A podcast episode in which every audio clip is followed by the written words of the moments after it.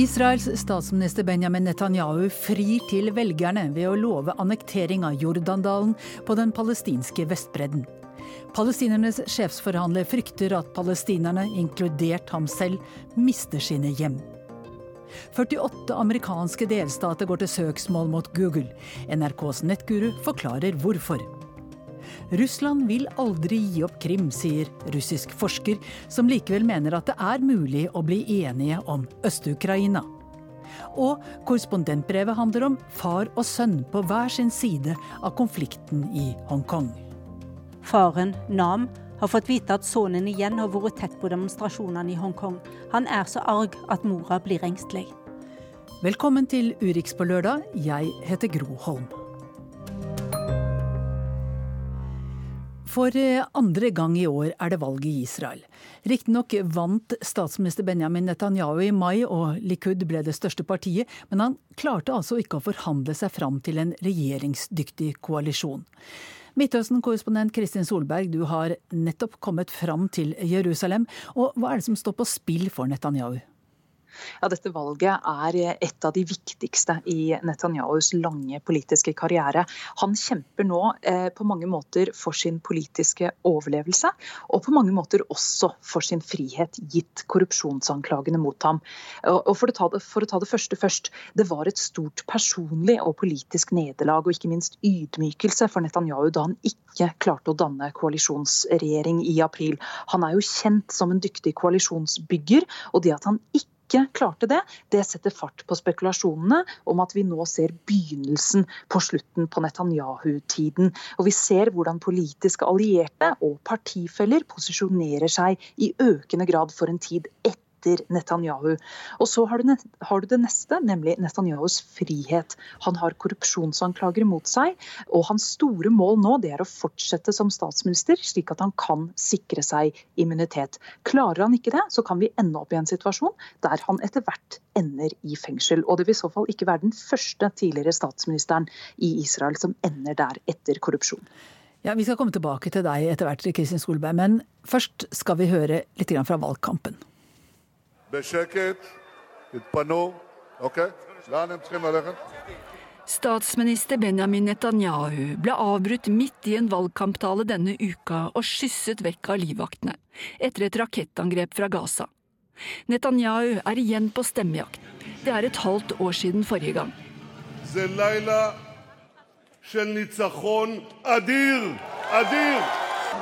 Netanyahu feiret seieren etter valget i april men hverdagen kom brått. Mannen som har regjert Israel lenger enn noen andre, klarte ikke å finne et flertall på høyresiden. Derfor går israelerne nok en gang til valgurnene neste tirsdag. Utfordreren er også denne gangen Benny Gantz, den tidligere yrkesoffiseren som tapte for Netanyahu ved valget i april. Gantz er den første politikeren på lang tid som har vært en reell utfordrer til Netanyahu. Det er nærmest dødt løp på meningsmålingene mellom Netanyahus Likud-parti og Gans fra det nystartede partiet Blått og hvitt. Langt bak de to partiene ligger det israelske Arbeiderpartiet, en fellesliste med fire arabiske partier og en rekke småpartier. Valgkampen har vært tøff og splittende, og kampen om høyresidas stemmer kan avgjøre valget. I valgkampinnspurten denne uka kom Netanyahu med brannfakkelen som satte fyr på debatten, både nasjonalt og internasjonalt. Netanyahu sa han ville annektere den palestinske Jordandalen og også israelske bosetninger i andre deler av Vestbredden, hvis han får fortsette som statsminister. Kritikken haglet, og en palestinsk leder kalte planene for verre enn apartheid. For palestinernes drøm om en egen stat kan bli knust hvis Netanyahus valgløfter følges opp. De konservative bosetterne i Jordandalen, som han prøver å sanke stemmer hos, er heller ikke helt overbeviste.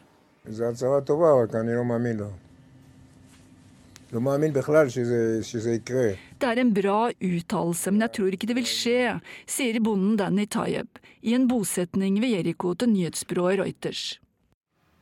Ja, eh, Jordandalen er altså en del av den Israel-okkuperte Vestbredden, som fra 1994 formelt har vært styrt av de palestinske selvstyremyndighetene.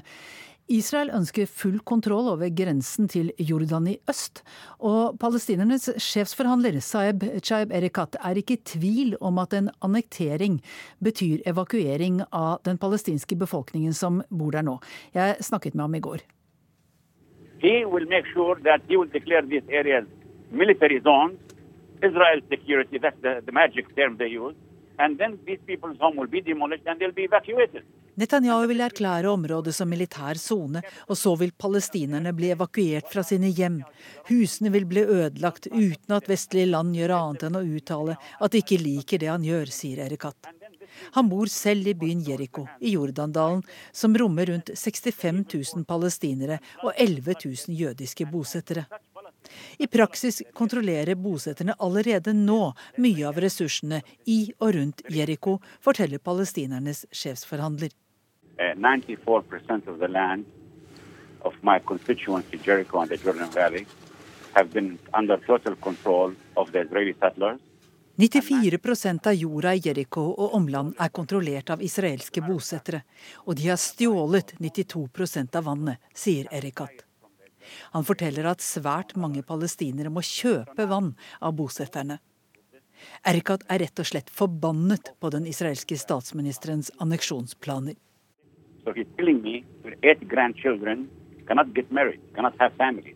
Så han forteller meg at mine åtte barnebarn ikke kan gifte seg, ikke kan stifte familie, fordi Israel vil ta all jorda og holde palestinerne innestengt bak sikkerhetsmurer, slik at vi til slutt blir tvunget til å dra.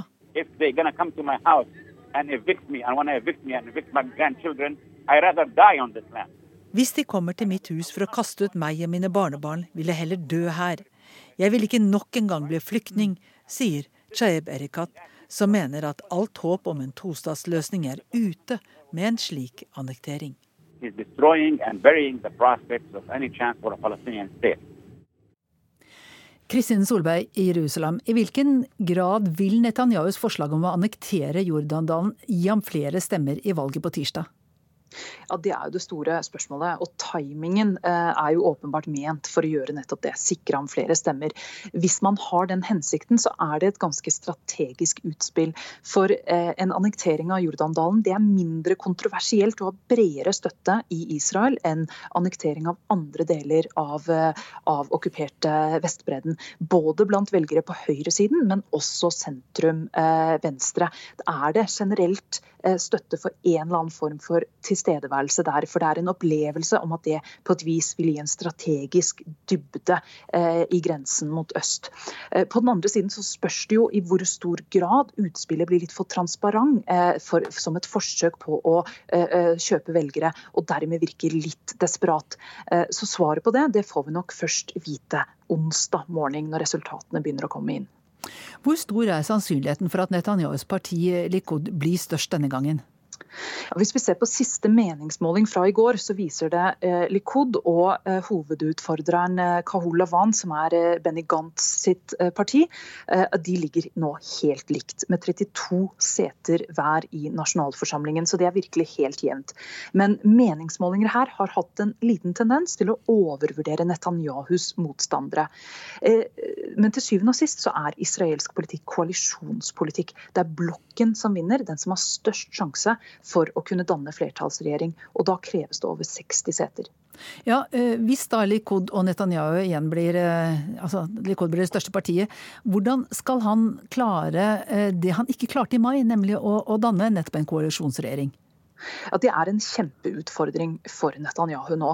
Han mistet jo støtten til tidligere forsvarsminister Avigdor Liebermann eh, i, i, eh, i, mai. Det var grunnen til at han ikke klarte å stable sammen en koalisjon. Og Nå må han altså da sikre seg flertall uten Liebermann. Og Liebermann har faktisk gått frem på meningsmålingene. Eh, hvis vi ser da på meningsmålingene, så viser den at ingen av blokkene, verken Gantz eller Netanyahu, ligger an til å få flertall uten Liebermann. Så får vi jo se om det faktisk blir resultatet resultatet. Men vi har jo også et scenario der et ekstremt ytre høyreparti, det bitte lille partiet Otsma Yehudit vil kunne komme over sperregrensen og kanskje klare å gi Netanyahu eh, flertall. Det er et parti som ikke ikke vil ha en palestinsk stat, som vil annektere hele Vestbredden, som vil kansellere Oslo-avtalene. Um, og, en koalisjonsregjering med det vil uh, komme med en, pris. Uh, den liberale avisen Haaretz skrev i en kommentarartikkel at hvis det er det som blir uh, utfallet, så vil den neste regjeringen få dagens regjering til å se ut som en gjeng liberalister. Og dagens regjering er altså den mest høyrevridde i Israels historie historie så langt. Partiet Hvitt og blått er, er, det eneste som har sjansen til å bli større enn Likud. Og hva, hva står dette partiet og, og Benny Gantz for, deres leder? Ja, Det er et interessant spørsmål. Svaret er at egentlig ingen helt vet det. De har vært ganske vage på konkret politikk i valgkampen, men de har posisjonert seg i sentrum. Det er jo et parti ledet av generaler, og det er også en av grunnene til appellen. Eh, det har eh, blant velgerne. Eh, opplevelsen av sikkerhet er noe av det viktigste for israelske velgere. Jeg snakket med en analytiker her som sa at slik israelske velgere ser det, så er det et bøllete nabolag, og vi må ha vår egen egen bølle som statsminister. Så det er bare en tidligere hærsjef, som Benny Gantz er, som kan utfordre Netanyahu nå. Men det er et ganske stort spenn av mennesker i partiet hans. Det er et ganske stort spenn av menings, meninger, så det er ikke helt enkelt å forutse hvordan politikken i realiteten vil bli hvis han vinner. Da sier vi takk til deg, eh, Kristin Solberg, som altså er på plass i Israel for å dekke eh, valget for NRK. Valget det er på tirsdag.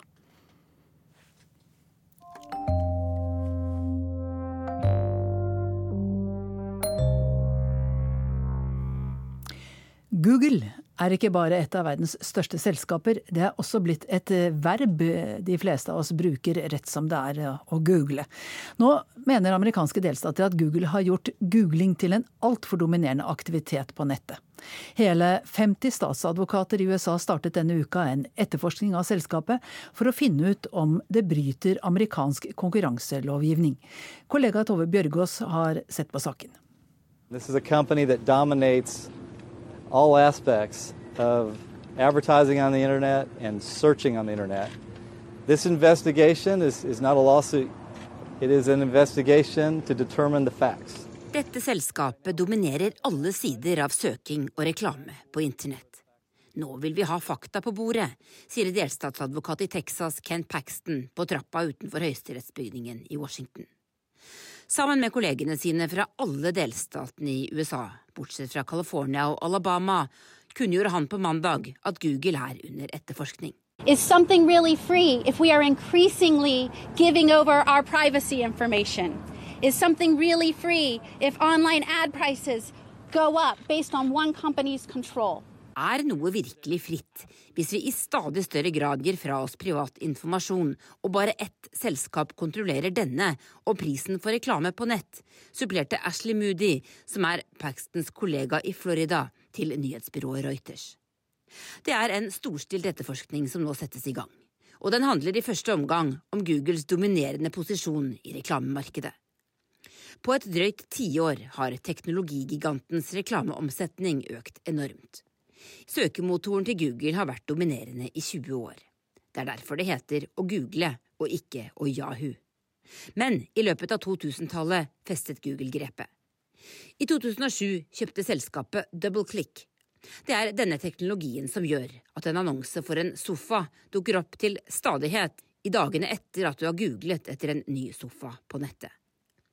Personvern og hvilke opplysninger Google samler på om oss forbrukere, kan være neste skritt i etterforskningen, som kommer etter økende kritikk mot verdens dominerende teknologiselskaper. Do you or do you not collect identifiers like name, age, and address? Yes or no?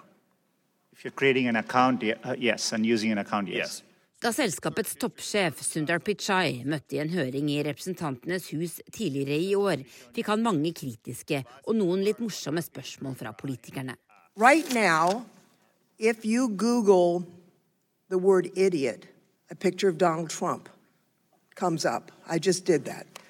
How would that happen? How does search work? We provide search today uh, for any time you type in a keyword. Pichai svarte så godt han kunne. Men i det amerikanske samfunnet sprer det seg en oppfatning av at teknologiselskapene som en gang ble hyllet for sin innovasjonskraft, har fått bli altfor dominerende. Og det er ikke bare Google som er under lupen. Uh, who's your biggest competitor? Uh, Senator, we have a lot of competitors. Who's your biggest? Mm, I think the categories of. Do, you want just one? I, am not sure I can give one, but can I give a, a, a bunch? Facebook-grunnlegger Mark Zuckerberg har lenge måttet svare for seg overfor politikerne, her i en senatshøring i fjor. Den gang var det mange unge amerikanere som lo av hvor lite de mektigste politikerne i USA så ut til å vite om sosiale medier. Men også Facebook blir nå gransket. Facebook eier både Instagram og WhatsApp og dominerer sosiale medier i svært stor grad. Både Facebook og Google sier de vil samarbeide med etterforskerne og overlevere informasjonen de blir bedt om. Eirik Solheim, NRKs teknologiguru og rådgiver for NRK Beta. Vi hører her at bakgrunnen for søksmålet mot Google først og fremst er deres dominerende stilling på det digitale annonsemarkedet. Går det an å enkelt forklare hvordan sofaannonser dukker opp når jeg er inne på en nettavisside, og hvis jeg da for noen dager siden søkte nettopp ordet sofa? Ja, Det er flere teknologier som spiller inn, men de to viktigste er kanskje det som vi kaller for informasjonskapsler, eh, eller cookies som det heter på engelsk. Som er små system som legger igjen informasjon om hvor du er på nettet. Sånn at eh, det er ikke bare nettsiden du er på akkurat nå som vet hvor du er, men andre nettsider kan også vite det. Eh, og så er det kanskje enda viktigere hvis du er innlogget i enkelte tjenester. Hvis du er innlogget i nettleseren din på noen av Google sine tjenester, f.eks. Gmail, som er en tjeneste mange bruker, eller hvis du er innlogget med Facebook. Da vet de enda mer om deg, for da holder de ganske godt øye med hvor du beveger deg. Og dermed så plutselig kan det være nesten skremmende hvor nøyaktig disse annonsene dukker opp hvis du har vært et eller annet sted på nett og søkt etter noe et par dager før. Eh, men, men, hvorfor kan ikke hvem som helst eh, gjøre nettopp det som Google gjør når det gjelder annonser? Det som er litt interessant med, med, nettet, for nettet er jo så åpent og så fritt, og det skulle jo være mulig for alle å lage tjenester. Og det er det jo for så vidt, men så er det sånn at det går så fort, og noen blir fort så store at det blir vanskelig å konkurrere med dem. Eh, og Grunnen til at ikke hvem som helst kan gjøre det, er fordi at Google har fått en såpass dominerende posisjon som de har. De har de menneskene som, som kan det som må kunnes for, for, å lage disse tjenestene, og de har veldig mye penger. Og de har den distribusjonsplattformen som Google er. Det at vi hele tiden går inn på deres hovedside og søker etter ting, det gjør at de kan nå veldig mange mennesker. Og så mange mennesker at det er veldig vanskelig for konkurrentene. Og store selskaper som både Facebook og Microsoft prøver jo, eh, men det er ikke så lett når de har blitt så store som de har blitt. Altså, det er ikke lett å ringe til Google og si at nå skal jeg bruke 1000 dollar på, eller 1000 kroner på annonser. Eh, hva får jeg for det? Det er ikke sånn det fungerer. Hvordan er det egentlig de tjener penger på disse annonsene? Det er et eh, ganske innfløkt system, og det er jo faktisk en del av dette søksmålet er at eh, en del mener at de er ikke åpne nok på akkurat hvordan det markedet fungerer.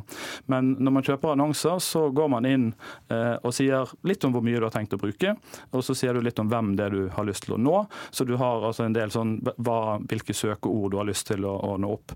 Men så overlates det til et system eh, hos Google som er et slags auksjonssystem, hvor de sammenligner med andre som også har lyst til å ha annonser på de samme søkeordene.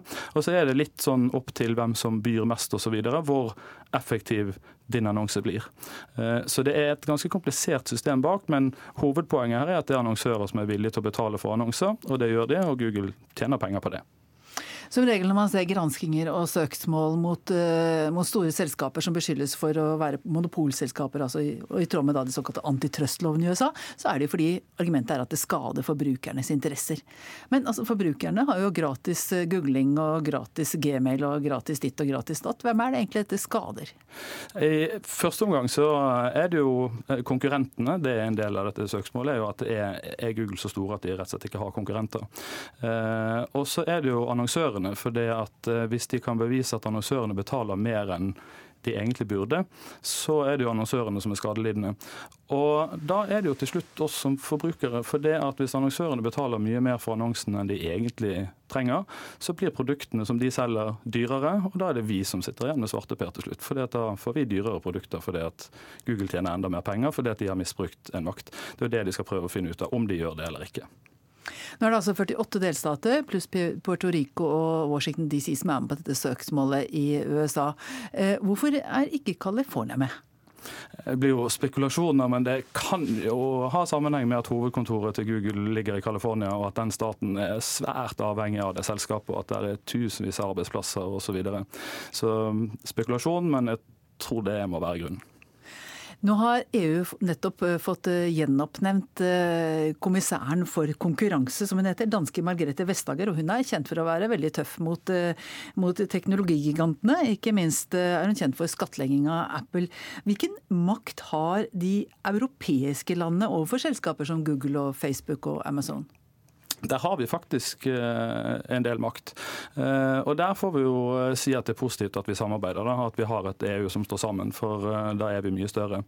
Og Én ting er jo at de amerikanske selskapene ser det at det er markedet der på andre siden av dammen. Det er såpass stort at vi må følge litt med på det.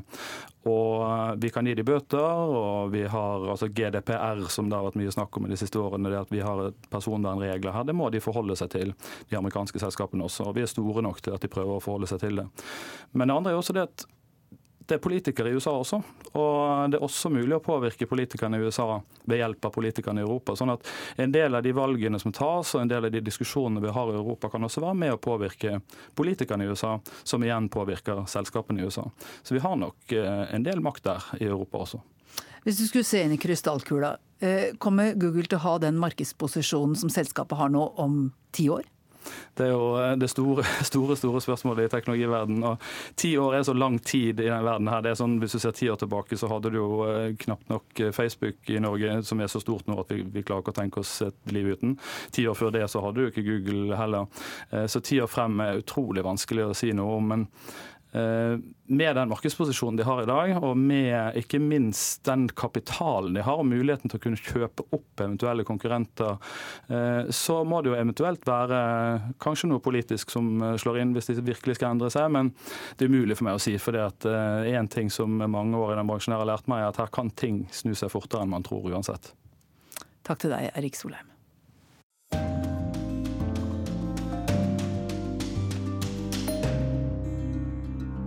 EU har denne uka forlenget sanksjonene mot 170 russiske enkeltpersoner og 44 selskaper og institusjoner.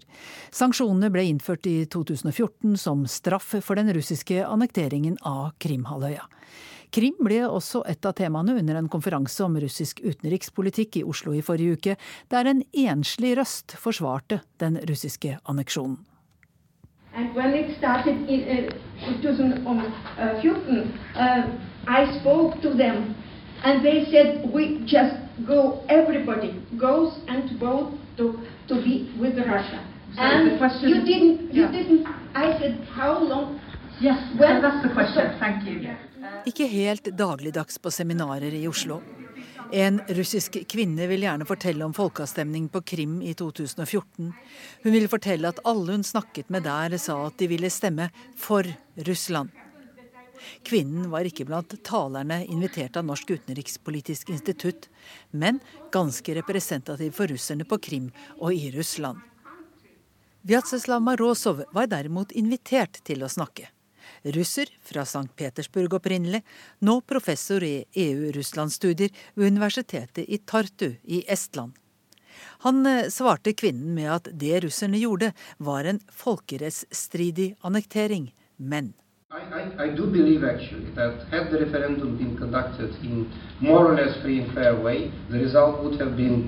not as convincing, but um, probably still the majority would have voted for, for, for, for switching uh, sides.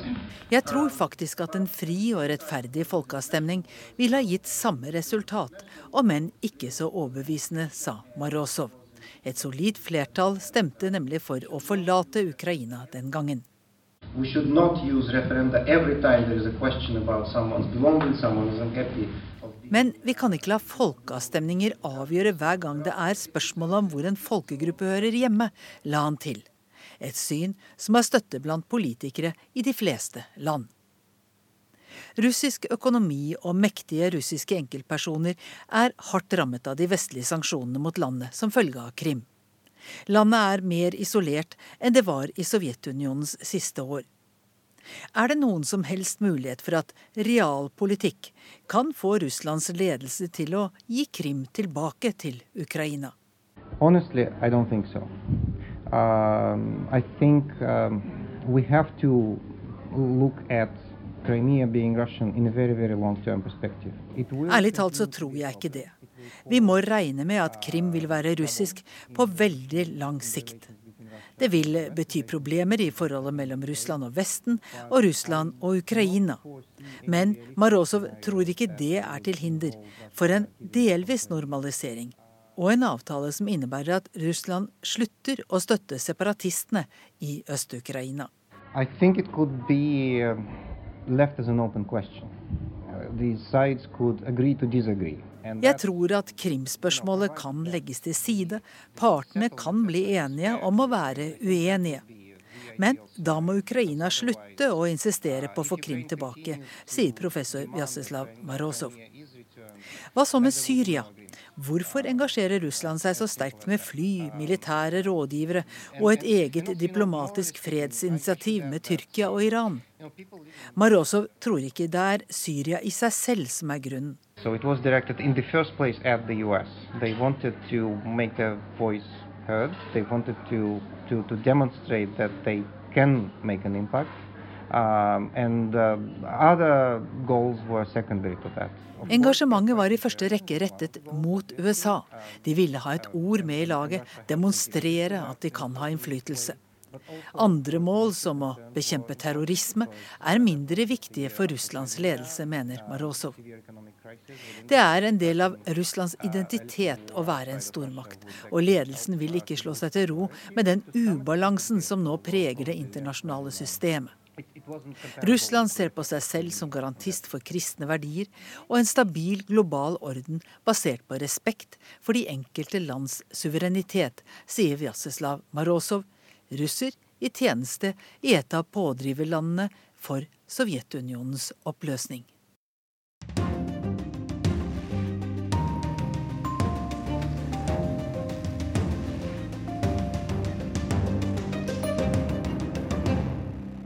Hongkong er preget av steile fronter etter tre måneder med protester mot lokale styresmakter. Konflikten splitter vennskap, arbeidsplasser og familier. NRKs korrespondent Kjersti Strømmen har møtt en far og en sønn som står på hver sin side av barrikadene. I brevet fra Hongkong brukes ikke deres egentlige navn, ettersom de begge opplever situasjonen som sensitiv. Fong forstår det alvor da han ser mora sitt andlet.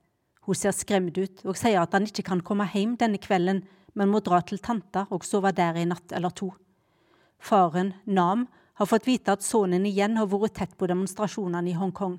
Han er så arg at mora blir engstelig. Faren har bedt mora overlevere beskjeden om at sønnen skal holde seg unna heimen denne kvelden, fordi han kjenner det koker over. Hva er det med disse demonstrantene og deres tåpelige krav, og hvorfor må sønnen på død og liv være en del av denne galskapen? Nam vet ikke hva som gjør han mest sint, om det er fordi sønnen ikke tar imot velmente råd om å holde seg unna, eller om det er fordi han ikke forstår hvor dumt det er å ta del, og hvor nytteløst det er. Mest av alt er han redd for at noe skal hende sønnen. I nesten 40 år har Nam jobba som politi i Hongkong, men har nylig blitt pensjonist. Han har sjøl vært i heftige situasjoner som tidligere protester, og han har arrestert farlige narkotikabaroner. Aldri har han sett byen i en verre tilstand enn nå. Politiet i Hongkong har lenge vært høyt respektert i samfunnet, men i det siste har de blitt sterkt kritiserte for den hardhendte måten de har takla demonstrantene på. Men Nam er stolt over yrket og over jobben kollegaene gjør, også nå når skjellsord som søppel hagler over dem i felt. Han mener at tåregass, gummikuler og batonger må til for å hindre protestene i å bli verre. Når demonstrantene okkuperer T-banestasjoner, setter fyr på gatene, kaster brannbomber og gir alvorlig hærverk, har de ikke annet valg. Sønnen er rake motsetninger. Han er rasende på politiet og det han mener er brutal maktmisbruk. Det er greit for han at demonstranter blir straffa for lovbrudd, men politiet må også bli stilt til ansvar. Fong er student og var på sin første ulovlige protest i juni denne sommeren. Demonstranter hadde okkupert ei gate i byen, og han stilte seg sammen med et førstehjelpskorps for å hjelpe til om noen ble skadde. Da politiet skjøt tåregass mot demonstrantene og jaga dem nedover veien, ble han redd og sprang for livet. Med hjertet i halsen vendte han hjem før det ble kveld. Likevel ble dette hans kall. Flere ganger i veka kler han seg i refleksvest, tydelig merka med førstehjelp. Gassmaske og hjelm er blitt en viktig del av utrustninga. Han har kurs i å redde liv, og i sekken har han utstyret som skal til. Sammen med likesinnede drar han til frontlinja der protestene fort kan bli til sammenstøyter med politiet. Det er her han kjenner at han kan bidra til demonstrantene sitt opprop 'Frigjør Hongkong! Revolusjon i vår tid'. Fong er enig med mange av demonstrantene i at protestene mot de lokale styresmaktene er deres siste sjanse. Får de ikke gjennomslag nå, er slaget tapt. De frykter at styresmaktene i Kina skal få et sterkere grep på samfunnet, at Hongkong skal bli en vanlig kinesisk by, og at de såleis mister ytringsfridommen. Noen sier de er villige til å bøte med livet for denne saka. Da byens leder Carrie Lam etter tre måneder endelig gikk med på å formelt skrinlegge lovforslaget om utlevering av kriminelle, var det for seint å stanse protestrørsla. Nå nekter demonstrantene å gi seg før de neste fire kravene på lista blir innfridde. De krever ei uavhengig gransking av politivalg, at alle arresterte demonstranter blir satt fri, at skildringer av protester i juni som opptøyer blir stråket, og at de på fritt demokratisk vis får avgjøre hvem som skal være lederen i Hongkong. Faren til Fong mener demonstrantene uroer seg unødig, og at deres frykt for styresmakten i Beijing er basert på en grunnløs fantasi. Han er ikke redd for at de skal miste ytringsfridommen i Hongkong. Nam støtter lovforslaget om utlevering fordi Hongkong ellers er et småtthold for kriminelle, og han mener at det ikke var noen overhengende fare for at Beijing ville utnytte lova til å råke politisk opposisjonelle. Han mener at mange av demonstrantene ikke har satt seg grundig inn i kravene sine og bare følger strømmen, men at noen få av dem trekker i trådene for å oppnå det største kravet, nemlig frie valg i Hongkong. Han presiserer at dette ikke er noe de lokale styresmaktene kan innfri, for akkurat den saka er det Beijing som avgjør. Imens er byen fanga i en vond spiral. I begynnelsen tok én og to millioner mennesker til gatene i fredelige protester, da de ikke ble hørte, ble metodene mer dramatiske, og dess mer valg politiet nå bruker mot demonstrantene, dessverre blir protestene. Fong har sett mange skadde som ikke tør å dra på sykehuset fordi demonstranter har blitt arresterte der. Det mener Fong er sprøtt. Han vil hjelpe dem, slik at tilstanden deres ikke blir verre. Fremdeles frykter han å bli arrestert. Han ble førstehjelper også av den grunn, fordi det er ei gråsone. Om han blir tatt, kan han forklare dommeren at han er på gata for å hjelpe, uansett hvem den skadde skulle være, demonstrant, politi eller forbipasserende. Det er sant. Kanskje han da slipper billigere unna. Likevel vet både han og faren at det har hardna seg til. Nå avviser politiet de fleste søknadene om demonstrasjoner, slik at de fleste protestene er ulovlige. Rundt 1200 aktivister er blitt arresterte, og Fong tror ikke lenger at politiet ser forskjell.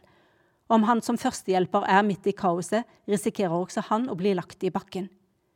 Nam erkjenner at han ikke kan få Fong til å holde seg unna gatene, men slutter ikke engste seg for han.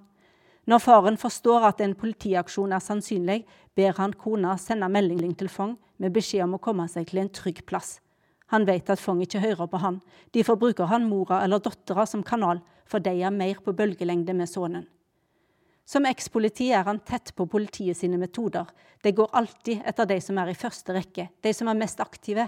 Derfor bør sønnen for all del ikke være der når det smeller. Pensjonisten har tillit til kollegaene sin profesjonalitet, men nå har de gått tolvtimersskift i flere måneder. Han er redd de skal bli så slitne at de tar dårlige avgjørelser. Kaoset i byen var helt utenkelig før sommeren, og situasjonen eskalerer fort. Fong tror kanskje han ville ha vært en ekte demonstrant om faren ikke var ekspoliti, men han er mer usikker på om han ville ha vært en av de mest radikale som kaster murstein på politiet og setter fyr på gatene. Men om situasjonen blir verre, gjør han kanskje likevel det. I heimen går far og sønn på tå hev for hverandre. Fong har gitt opp å overtyde faren om at Hongkong trenger en revolusjon, og Nam har forstått at det ikke nytter å fortelle sønnen at han er på villspor. Nam har flere kollegaer som har straffa sine barn med å sette dem på gata. Da blir de heimløse. Å bli kasta ut av huset, eller at han flytter ut fordi han ikke makter å bo hjemme, er det verste som kan skje, mener Fong. Her er far og sønn samde. Boligkrisa i Hongkong er så alvorlig at ungdommene ikke ser at en vanlig jobb kan sikre dem tak over hovedet. Det er noe av grunnen til at en hel generasjon er frustrert, og de lokale styresmaktene har så langt ikke vist evne til å gi dem håp for framtida. Familien har aldri investert i leilighet fordi det er for dyrt. Nam vet at om han setter sønnen på gata, øker sjansene for at det går han ille. Det er det motsatte av det han vil. Faren ville at Fong skulle vite at han kan kaste han ut. Han ville at sønnen skulle smake på det. Men det ble med den ene natta. Tross alt er de en familie, og det er det viktigste av alt. Sa korrespondent Kjersti Strømmen. Tiden er inne for ukas utgave av Krig og fred, og nok en gang skal det handle om, ja, gjett hva, nemlig brexit. Sett med brillene til et britisk par bosatt i Norge. Let's come together and let's get Brexit done by October the 31st. Boris Johnson er blitt statsminister og lover å ta britene ut av EU 31.10 med eller uten en avtale. Men parlamentet nekter ham å gå ut uten noen avtale. Boris Johnson vil ha nyvalg. Men det nekter parlamentet å godta. Og nå har statsministeren oppløst parlamentet. Vi blir helt nødt til å snakke om brexit. Igjen. Krig og fred med Tove Bjørgaas og Tor Moland.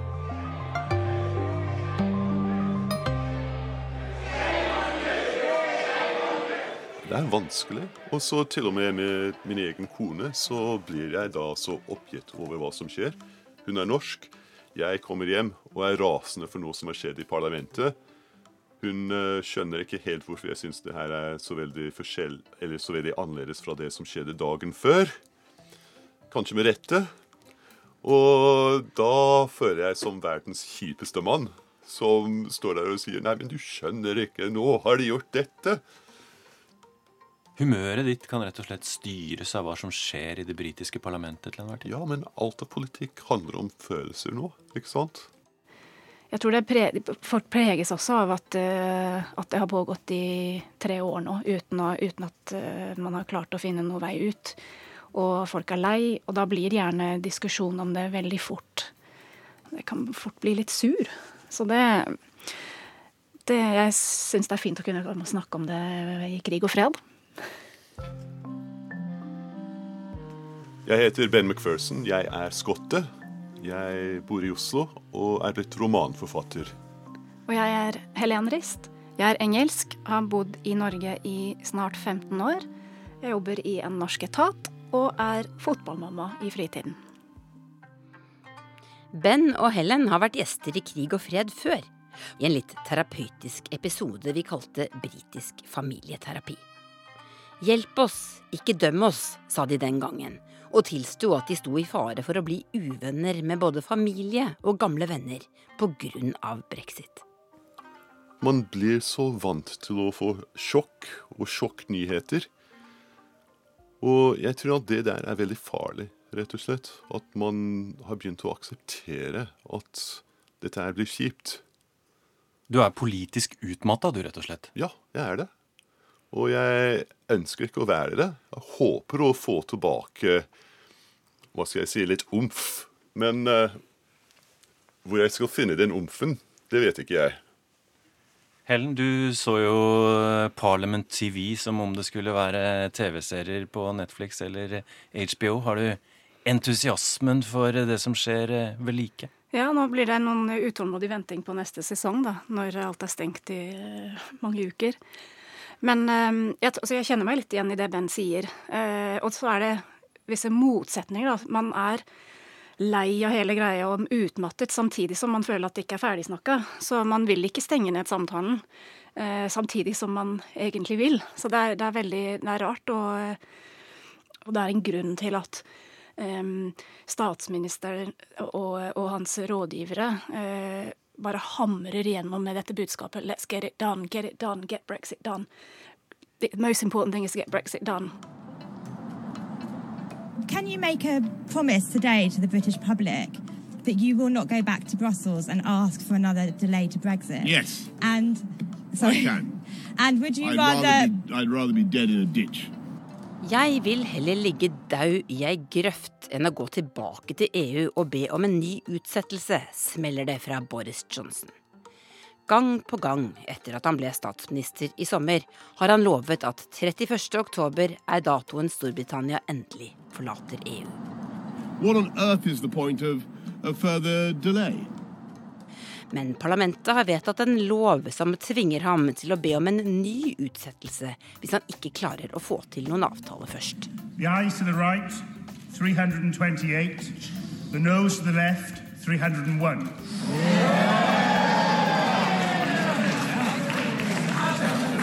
Not a good start, Morris. Hva slags kamp er det vi ser nå mellom regjeringen, government, og parliament? Hva er det som foregår, egentlig? Altså det, det virker som at uh, regjeringen ønsker å, å, endre litt på reglene, eller spillereglene, for å kunne presse gjennom en politikk. Uh, og på en måte så forstår man at de ønsker å gjøre det, for man har jo hatt tre år uten å kunne finne en løsning. Men de ønsker å gjøre det selv om de ikke har noe flertall. Og da ønsker de bare å kaste ut uh, de folkevalgte representanter og heller finne nye.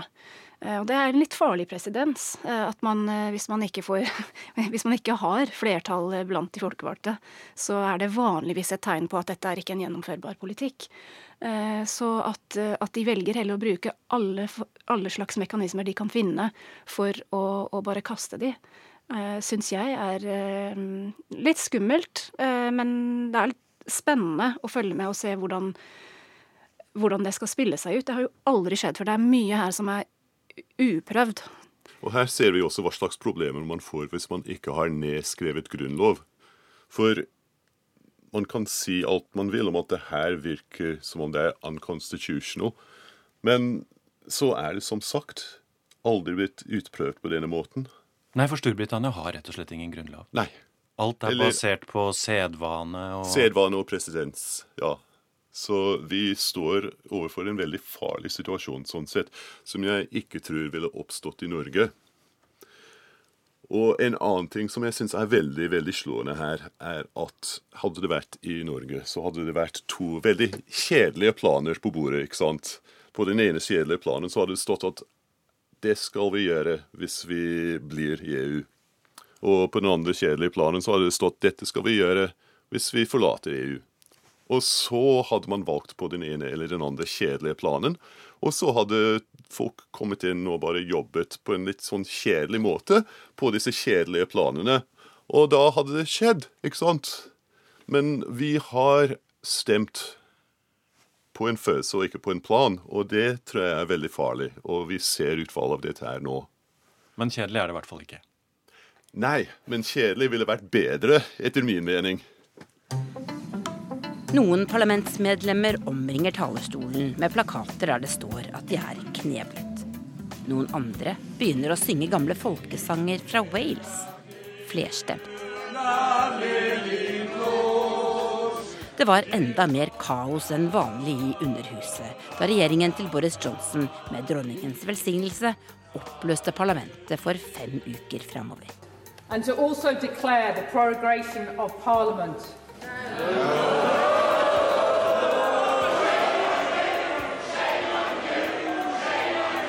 Skam dere, skam dere, skam dere, ropte de folkevalgte. På vei ut i en ufrivillig ferie. Jeg heter Espen Aas, er journalist og programleder i NRK og var korrespondent for NRK i Storbritannia fra 2013 til 2017, altså under brexit. Du har tatt med deg Union Jack-koppen eh, breddfull av eh, svart eh, kaffe. Det trengs kanskje. Kan du oppsummere situasjonen nå for oss?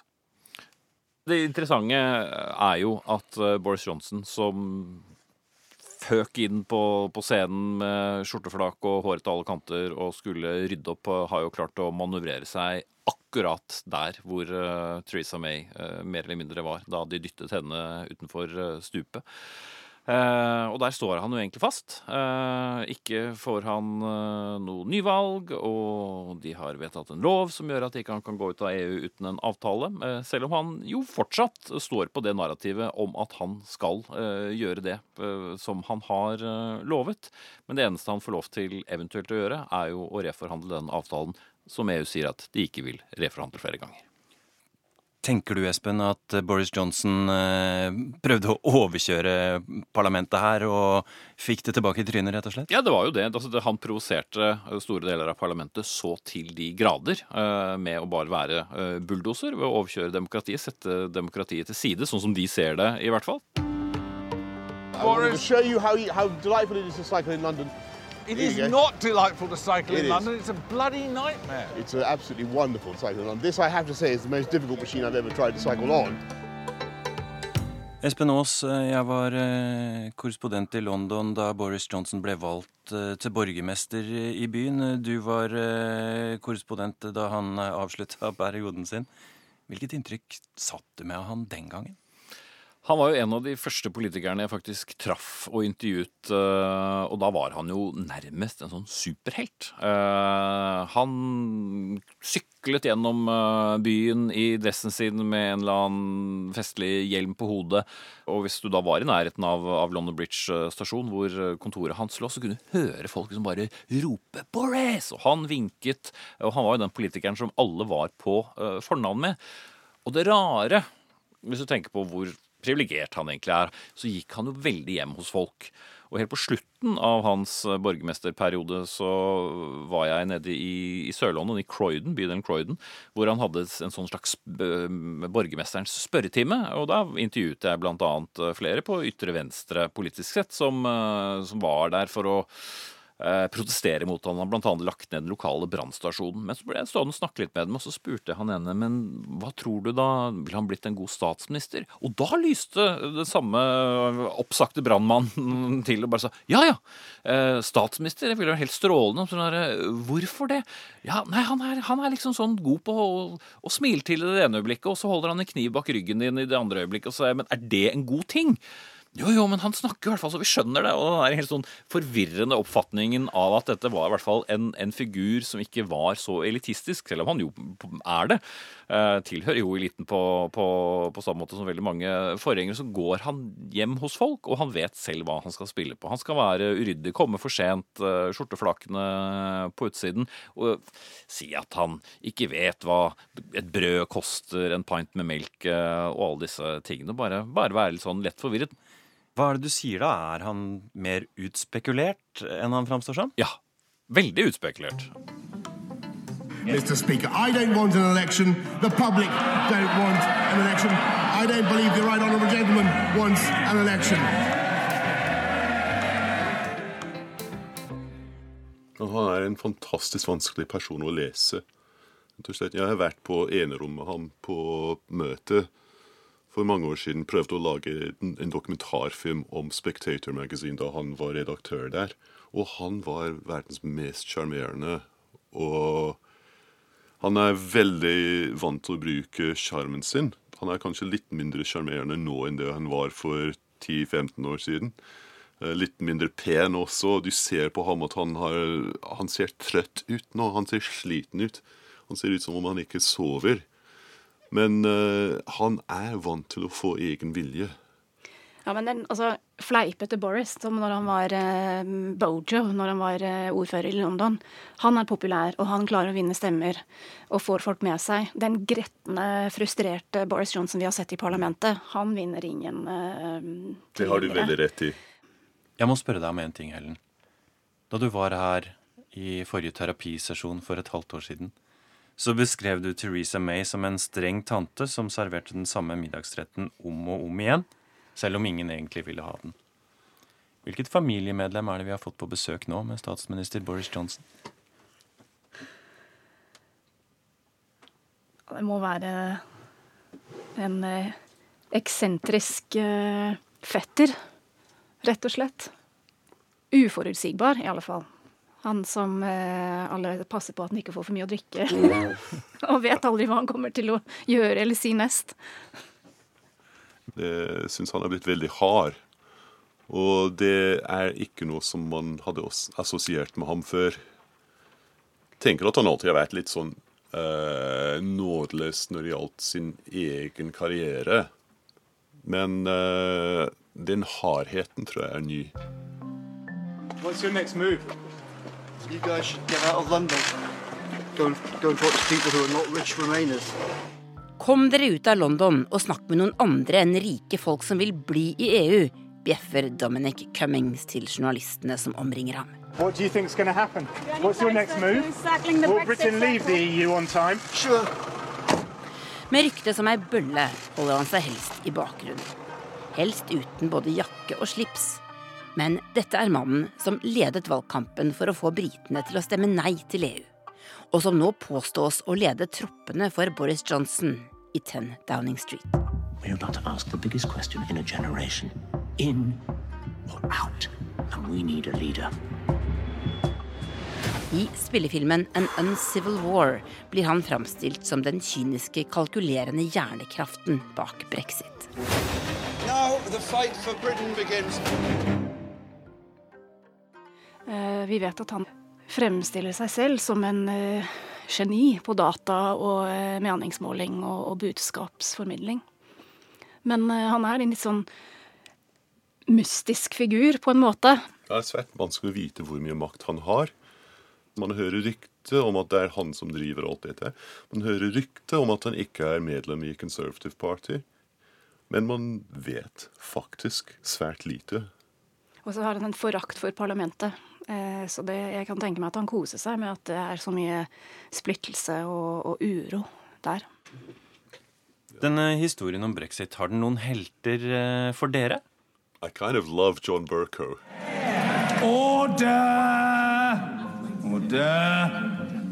De myndige, litt teatralske og litt desperate ropene om ro i salen har gjort Speaker of the House John Burkov noe nær verdensberømt.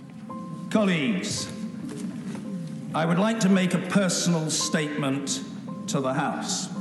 Men nå har han kunngjort at han trekker seg fra ordstyrerrollen i Underhuset. To stand down at the close of business on Thursday, October the 31st. Ironisk nok på datoen 31. oktober. Som takk for innsatsen fikk han varm applaus fra alle i Underhuset, unntatt dem i sitt eget parti. Men hva sier det om dem? Det er, det er det som jeg syns er så rart. Rett og slett. Det er ikke noe gentlemanly med deres oppførsel. Selv om det her liksom er gentlemanene som er i kontroll nå. Det er noe som er så Jeg kommer til å bruke et annet britisk ord. Unsportsmanlike. Det er så kjipt og så stammeaktig, rett og slett. Og det er så vanskelig å skjønne hvordan vi kan ha havnet der. Vi er briter, rett og slett. Det er ikke sånn vi gjør slike ting. Han eh, tilførte mye, men han ble kanskje litt eh, too big for his boots. Sikkert eh, er det de i Konservativpartiet som mener at han tok for mye plass. At Istedenfor å, å være ordstyrer og, og fasilitere debatten, at han begynte å føre det i en eh, retning som speilte hans egne meninger og politikk. Men det er en, altså det, fra, fra utsiden i alle fall, så ligner det som litt gammeldags skolehierarki, hvor uh, det er en elite som styrer og råder, og hvis du vil være med deres gjeng, så må du gjøre, mene det samme og gjøre det samme som de sier.